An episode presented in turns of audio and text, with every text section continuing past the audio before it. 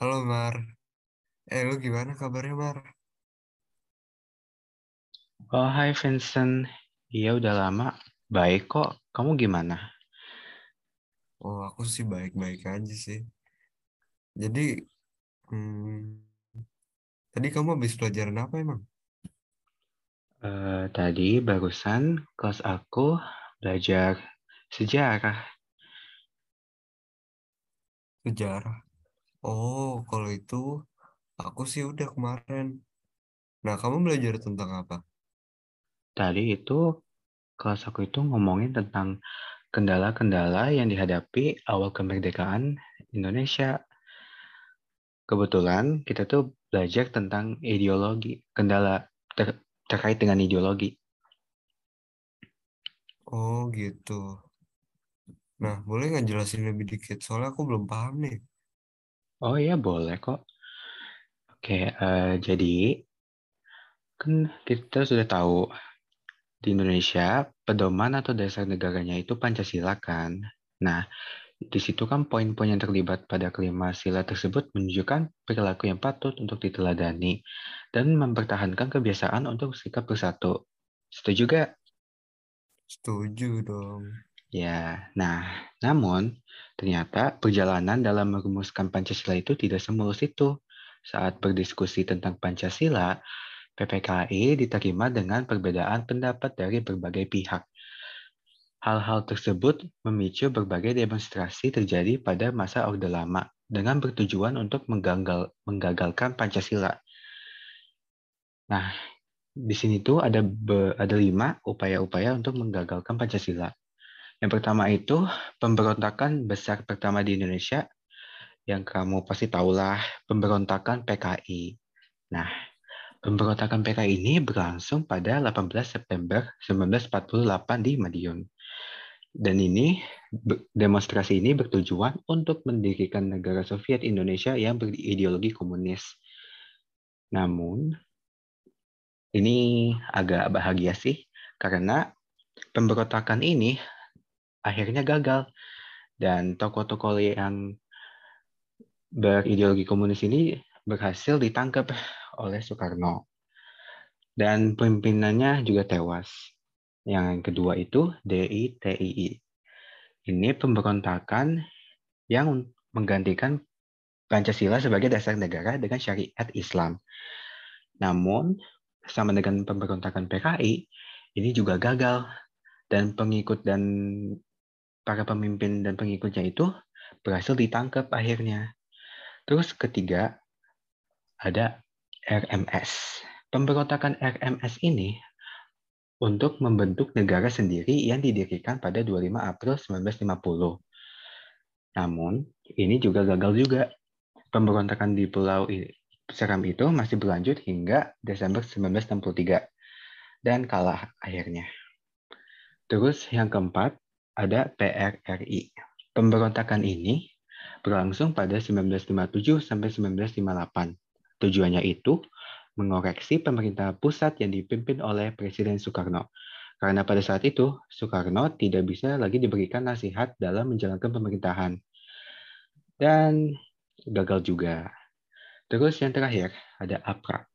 APRA ini adalah milisi yang didirikan oleh Kapten Raymond Westerling pada 15 Januari 1948 dengan tujuan merupakan gerakan yang bertujuan untuk mempertahankan bentuk negara federal di Indonesia dan memiliki tentara sendiri bagi negara-negara Republik Indonesia Serikat.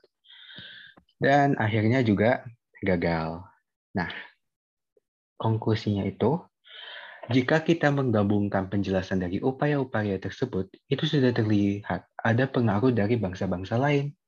Bukan hanya itu, tetapi dengan niat masing-masing, seperti Rusia untuk menyebarkan komunisme dan Amerika untuk menyebarkan federasi untuk mencegahi komunisme. Tetapi, menurut saya yang itu menarik adalah Soekarno melihat ideologi bangsa lain itu sebagai kesempatan untuk dianalisis masing-masing dan diambil nilai bagusnya, terus dicantumkan ke Pancasila tersebut. Fenomena yang membawa pengaruh buruk ternyata bisa juga menjadi inspirasi untuk membuat satu sesuatu yang baik. Hebat juga tuh Soekarno. Iya benar. Oh itu berarti kamu yang dari eh, dari segi ideologinya. Kalau aku juga Iya. mau jelasin nih dari segi ekonominya. Oh, Nah, boleh. aku jelasin ya. Iya. Jadi eh, pada saat itu kondisi ekonomi Indonesia di awal ke- di awal kemerdekaan cukup mengesankan dan cukup meng- mengkhawatirkan. Indonesia mengalami inflasi di awal kemerdekaan. Nah, tapi itu tapi itu bukan sekedar inflasi, Mar.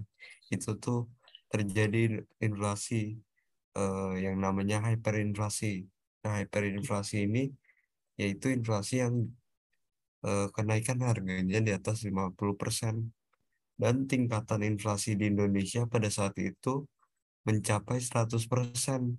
Jadi bayangin aja deh, misalkan beli makanan 10.000 tiba-tiba jadi naik jadi 20.000 gitu.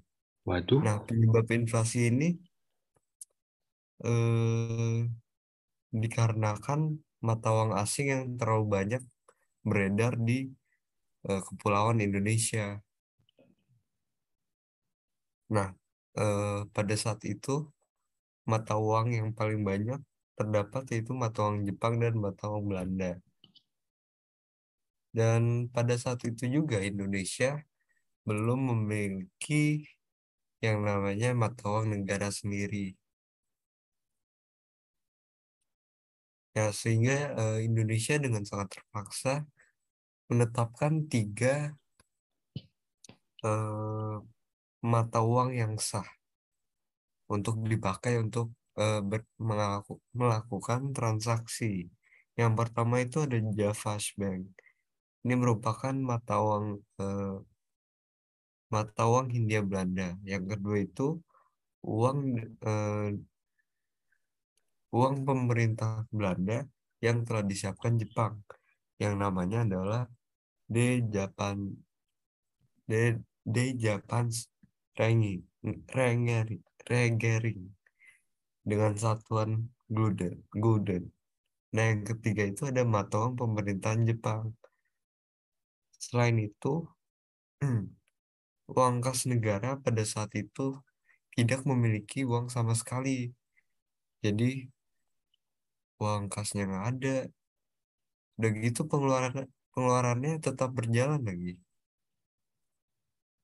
Nah, eh, menurut saya yang keterkaitan dengan hubungan luar negeri di bidang ekonomi adalah eh, dikarenakan Indonesia belum memiliki mata uang negara sendiri, jadi Indonesia tidak diakui secara dunia internasional.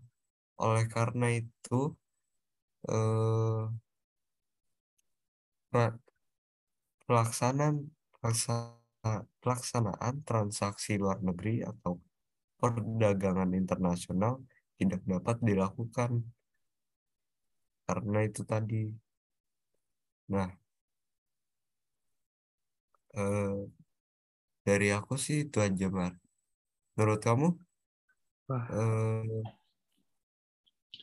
ya menarik juga sih kalau lihat dari segi ekonomi. Ber- begitu ya, Mar. ternyata memang juga susah, nggak semulus gitu untuk membuat negara sendiri. Memang susah. Iya sih, benar. Oke, sekian dari kelompok kami. Terima kasih. Kasih. Ya, Sob? Ending agak kurang sih. Udah, nggak apa-apa. Udah, udah, udah bagus, udah bagus, udah bagus. Usaha, yang penting usaha. Ya, udah boleh kali. Teman-temannya kalau Di gitu.